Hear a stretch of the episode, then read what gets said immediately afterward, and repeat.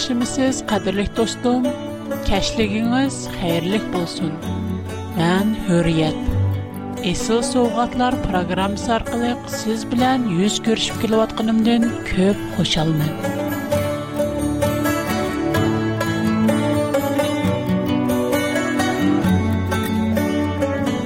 men bilan birga o'tkazgan mushu qisqagina yarim soat vaqtingizni sizning мұшы bir kun ішеді آن اهمیت نیک و آن مهم وقت مسپولشی نه امید قلمان. من اون مقصدم عملیات سگ شنیس کودروش.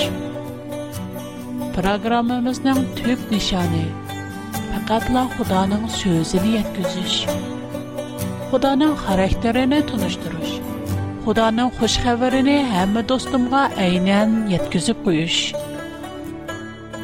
balkim programmamizda roman hikoya anglatish programmalardek kulkilik yumorliq gaplar yo'q biroq uningda xudoning haqiqiy va buyuk muhabbati bor shunga do'stim sizning har doim programmamizga qatnashib turishingizni orzu qilaman bugun qadrli do'stlarim bilan biz öz savabımızga tayanıp cennetki kiralandık degan tema üstüde söhbetleşmekçimen. Qadirlik dostlarımın, mən bilen birgə bu vaxtda əstayidil izlenip görüşini ümid qılaman. Biz öz savabımızga tayanıp cennetki kiralandık.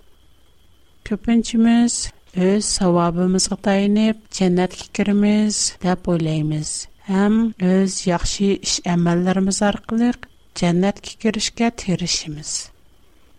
Ондакта дәннәт кандак чай.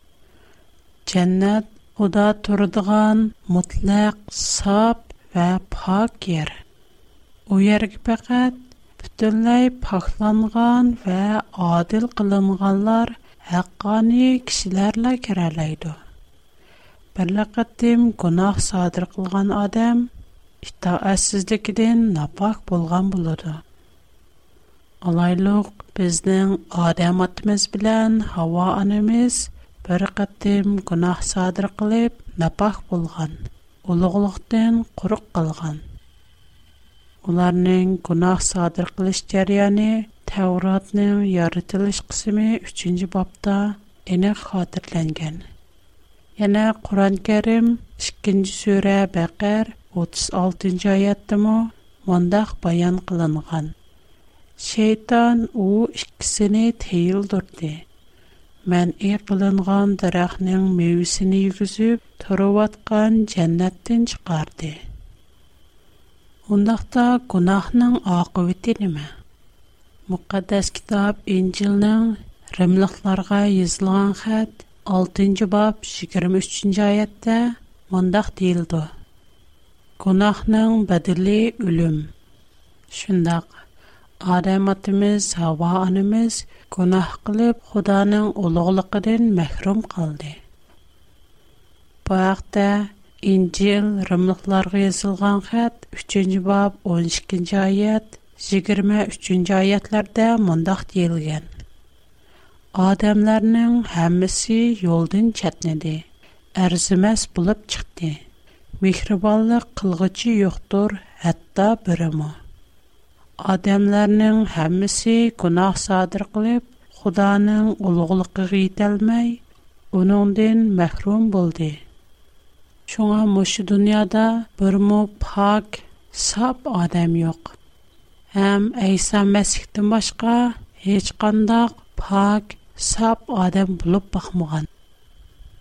Adamat bilan hava ana Худаның яхшы белән яманны бүлдердегән дарахның мейвесен исәң, чокым үлесән дигән сүзгә ишәнде. Улар мейвене иде. Худаның кануны буйча үлеше кирәк. Худа үйткан үлем кайсы үлемне күрсәтте? Безнең беренче кытымлык үлемебезне, яни мушы дөньядагы үлемебезне күрсәтәмдо яки тозакнымы? do'zaxdagi haqiqiy o'limimizni ko'rsatamdi xudo odam oti bilan havo oniga o'z eg'izi bilan jakorlagan o'lim do'zaxni ko'rsatdi chunki bizning mushu dunyodagi o'limimiz hech qandaq azob yo'q sazgu bilish yo'q qabridagilar cheriklarning ishini bilmaydi ular hech nimani anglayolmaydi, ko'rolmaydi. Xuddi muqaddas kitobda odam uxlaganda o'likka o'xshash deyilgandek, insonlarning mushu dunyodagi o'limimi xuddi uxlaganga o'xshash.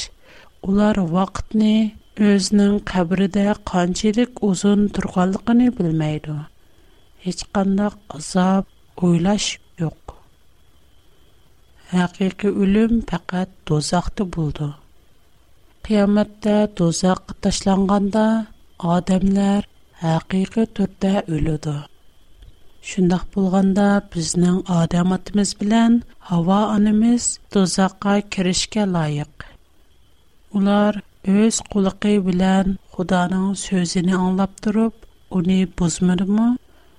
Унанға асилә Quda naiti adil. U adil bulgashka, Adem atibilen hava aniga, Adil hukum chukarishi kirek. Eger bir sochi, Bir katilnin cinayet pakitleri tulluk ispatlandgan ingin, Unanga kechirim qilip, Unu kuyubese, Kishilar unanga kayil bulamdo, U adil sochi mo? Elvetta Шуңа Худа әгәр Адам белән Хава анага кечирим кылып, аны куйвәсә, уму адил эмас. Бара Худа адил булып калмай, яна найти мехрибан. u o'z yaratgan insonlarni shu qadar suydi qandoq qilish kerak insonlar uchun noiti tas bo'lgan ish xudo uchun noiti oson Иnsanlar qılalmaydığı işni Xuda asalla vücuda çıxartdı. İncilning İbraniyalarga yəslən xətqisimi 9-cı bab 22-ci ayətdə mondaq deyilir ki. Darvaqə müqəddəs qanun boyunca hər nəsədikidək qan bilan poklanıdı. Qan tökülməy turub günahlar Шуңа Худа гунахкар булган адамны гунахи юк, халал һәм һеч кандай кусуры бер хайванны курбанлык сүпетидә калтырышкә буйрыган. Гунахкар өзенең үлеш китегичлек икәнлегенә өзгә әскәр төш өчен курбанлыкны суеп, от үстигә куешне буйрыган. Албуки гунах орныга суелган бу курбанлык Құнақының вақытлық епіп тұралайды. Бұл құрбалықларының әмісі Құданың кәлгісі де инсаларының өз үстігі алдыған әқиқи құрбалықның Сымауылы. Мақташқа лайық сәне са, Ұлық лайыңыз пақнамынды, Сәндеген ұлға.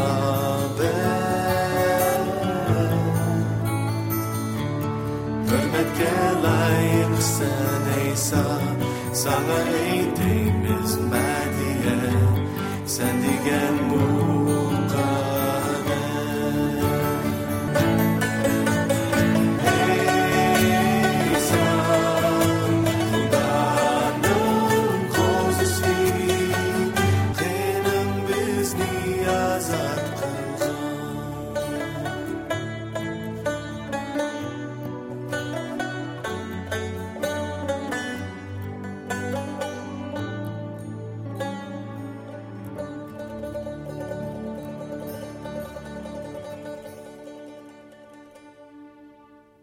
qurbanla qılındığan barlıq qayıbaların qimmeti bir mu adamның gunahi üçjän bedel bulalmaydı. Qur'an-Kärim 5-nçe süra Maida 32-nçe ayetdə məndə yazılğan. Şu səbəbdən İsrail avladığığa hüqum qıldıq ki kimki nahaq адам ұлтырмиген, яки, ер юсиде бозғанчили қылмған бір адамны ұлтырсе, о бүтюн инсаларни ұлтыргендек болды. Кимки бір адамны тир ұлтырсе, о бүтюн инсаларни тир ұлтыргендек болды. Димек, худа бүтюн инсаларни тир ұлтыргендеган, ам bütün insanların günahı üçün öldüğən qurbanlıqni verdi. O qurbanlıq haqqında Tavratdakı Yaşaya peyğəmbərinin kitabı 52-ci bab 13-cü ayətdən 53-cü bab 12-ci ayətgəcə munda xatırlanğan. Pərverdigar mundaq dedi: Көрөңлар ки, менен кулум даналык белән иш көрдү. У халыкның алдыда юқуры орынга көтүрүлдү. Нахайети юқуры орынга эриштүрүлдү. Лекин нургон кишилер уни көрүп, интайын хайран кылышты. Чүнки унун чырайы башкаларныкыдан көп сахмиленген. Onun turqi şu dərəcədə pozitilgən ki, onun da hətta adam siyaqı mı qalmıqan. Şundaqdı mı o, nurğun qoğumlarға qan çeçib qonaqlarını yuydu. Bizni xəvrimizga kim mu şəngən? Əm pərvərdigarının beləki bolğan kişi kim kim o bilengən? quli özünün aldıda xuddi yumran maysidək öskən edi. Ұу ғудді қургақ тупрақта үлдіз тартип өскен өсімлік ұхшыған иди. Оны көргенімізді оның кәліп қылғды кирайи, ялки, салапти йоқ иди. Оның тақ турғыму бізні өзге мәхлия қылалма ідди. Ұу кішилар тарапидын чадкиқы қылди хэм кәмістілди.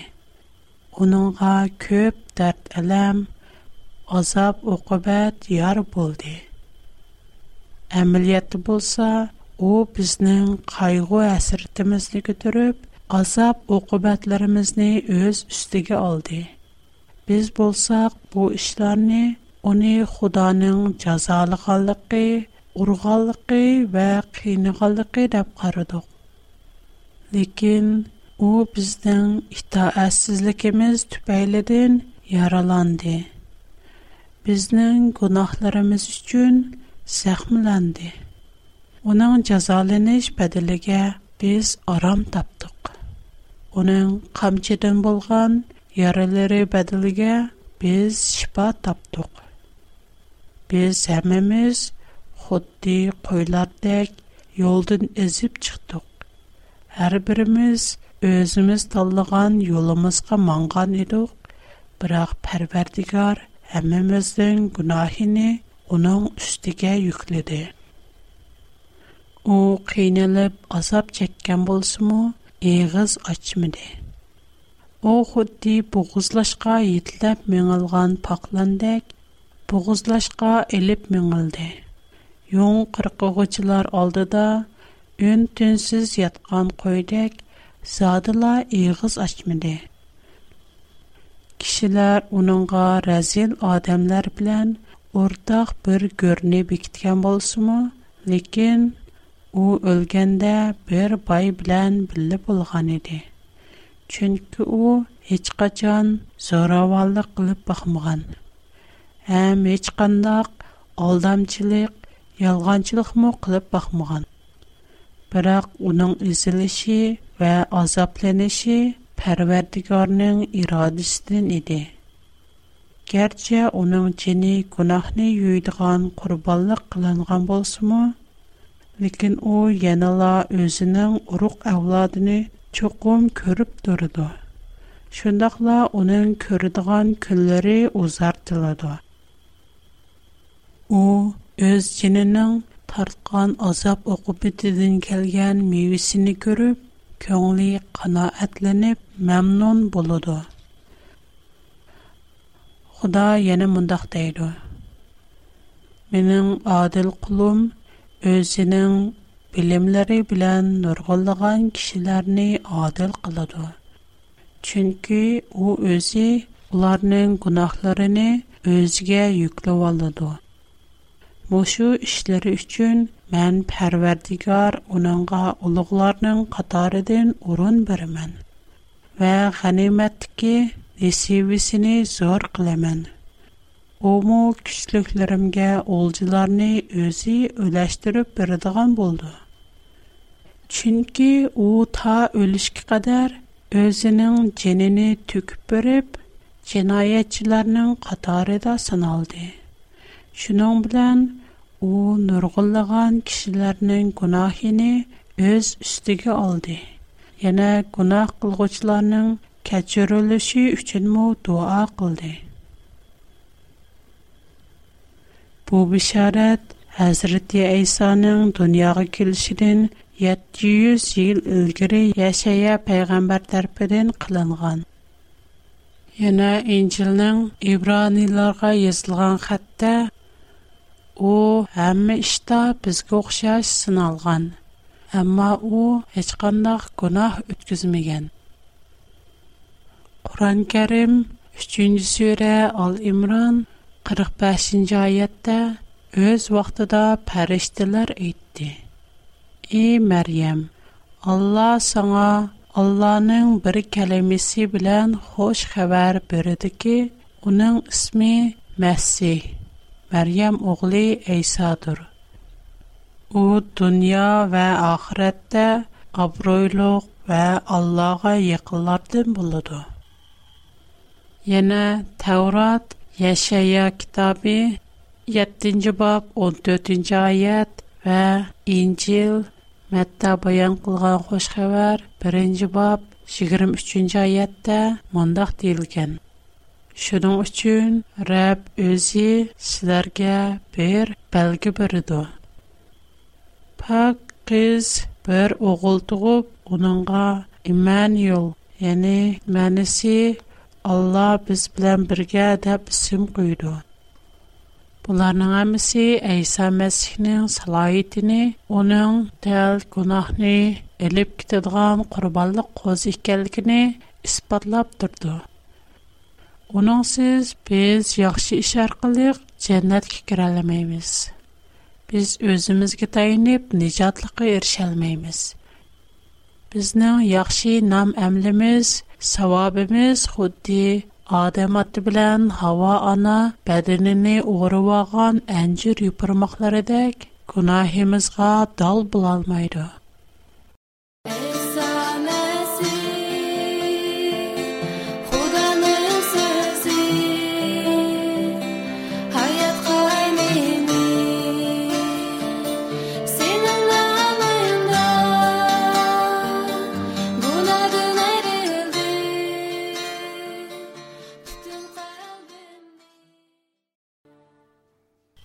Mən bu yerdə Quran-Kərim 5-ci surə Maidə 32-ci ayətni alohida təkrarlab ötməkçimən.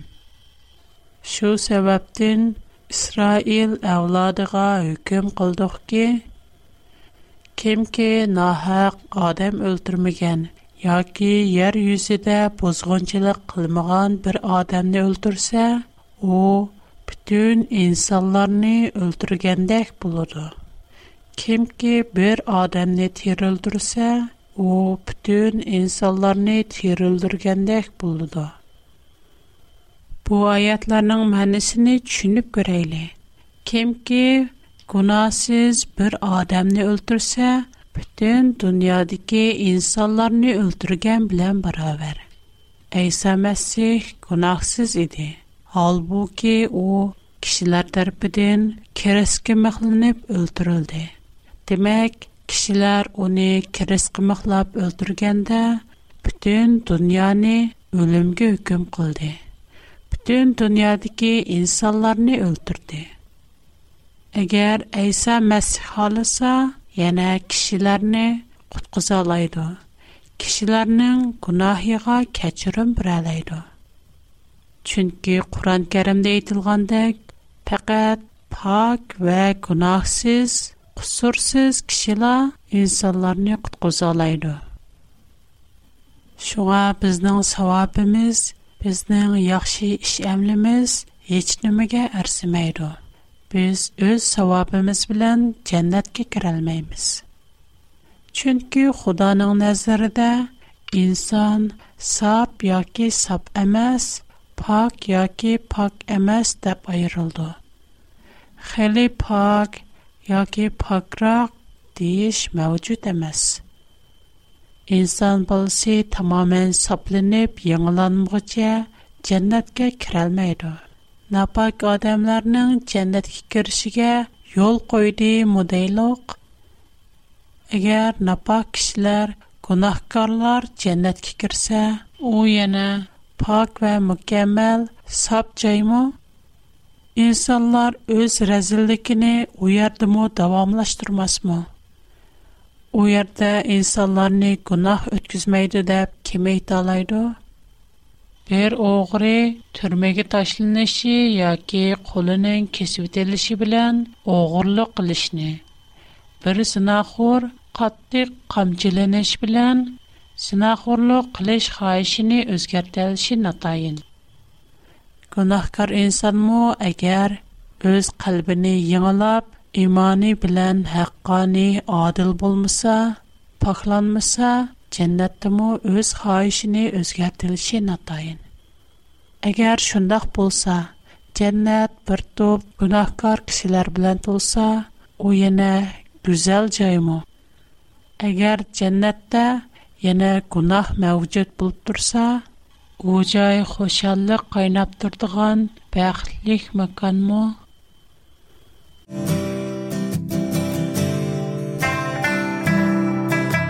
Достым, мендә көплегән тема диге яхшы программалар бар.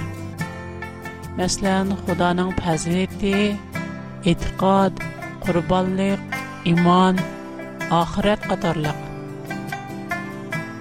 Agar yaxshi ko'rsangiz, menga xat yozsangiz, siz xohlaydigan programmani sizga haqsiz avatib beraman.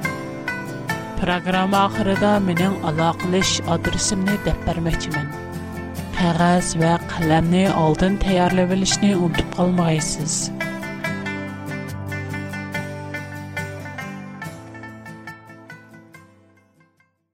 Yuqorqi mazmunlarni takrorlab o'tsak, Худаның адиллығы әрбір бір гунах үчін гунахкарның жазаленішіні тәләп қылды.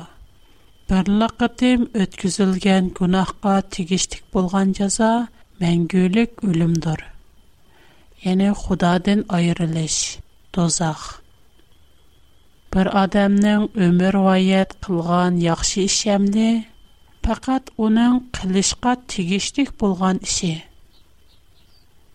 inson o'zining yaxshi ish amli bilan o'zining birmu gunohini yuyolmaydi yaxshi ish qilish faqat insonning qilishga tegishlik burchi xudo noiti mehribon va shafqatlik u bizni noiti cho'nqur so'ygi bilan so'yganlikdan bizni qutqizishni xohlaydi u o'zining odilligini mehr muhabbatini qanoatlantirish uchun masih aysoni bizning o'rnimizda gunohlarimizning jazosini o'z ustiga elishi uchun uni avatgan masih aysoning ulushi har bir insonning har bir gunohi uchun tegishlik bo'lgan jazosini o'z ichiga olgan Мәсіх біздің гунахларымыздың әмісіні өз разылығы білән үштігі іліп, керістігі мұхланып, өзіні құрбалық қылған. Құда оның құрбалықыны құбыл қылды. Шуңа оның бұ құрбалықыны құбыл қылғанлықыны іспатлаш үшін үш күннен кейін мәсіх терілді. Құда өзігі берген құрбалыққа иман айтқан. Гуна хедем пахлене йынгә калпкә ике булган һәрбер кешенин гунаһын кечүрәм голды. Шуңа безнең قутқусылычылы шулымыз фаҡат иман итү эш һәм Аллаһның безгә бергән ҡурбанлыҡыға ишин bu Моны бу дженнәтне берҙембер юле. һеч ким өҙгә o'zining yaxshiligiga tayinib jannatga kirolmaydi unutib qilmayli bizning burchimiz yaxshi ish qilish bu ham bizning qilishga tegishlik birdən bir ishimiz agar gunoh qilsak chuqum ölümüz. imon etsaq, Xuda bizga nijotliq yolunu ko'rsatib turdi quran karim 3 sura nisa 55-йа аятта, Бу ахта мундах дийылду. Өз вақтыда Алла айтти. И Иса, мен сіни қабзи рух қылымэн, Сіни даргахимға көтірімэн, Сіни капырлардин пак қылымэн, Саңа әгэшкәрләрни, Қиямэт ките капырлардин үстін қылымэн. Худанын қурбаллықа шэнсек, Иманы исақ, u bizga jannatni va'da qilgan jannat go'zal va pok joy u yerda o'lim og'riqsaloq urush jidal qayg'u hasrat va mushu dunyodagi har xil razilliklardan qilcha asar yo'q Мәңгүлік аят бізне сақлап тұрды. Қадірлік тұстым, қалысыңыз uningga erisha olasiz jannatning ishigi har vaqt sizga va menga ochilishga tayyor xudo muqaddas kitob orqali bundoq deydi qarang man ishik oldida kimki ishikni cheksa man uningga ishikni ochib beraman bugun siz bilan suhbatlashib ko'p xursand bo'ldim kilar qatim siz bilan yana yuz ko'rishishni siz bilan paranglashishni orzu qilaman yana sizdan xat topshirib olsam bak xushal bo'laman agar maa xat yozishni xohlasangiz mening tor adresim huriyat at yozildi h u r i y e t çəmbər içində e b i g f o o t çikit c o m mənə bu mənim tor adresim mənim xat birinci qurğa a w r bunlar çox yazıldı chicken chukurga, chong pi, chicken chong o, chicken chong b, kichik o, kichik ikis, shoes on. Astan chukurga, chong h, kichik o, kichik n, kichik g, chong k, kichik o, kichik n, kichik g.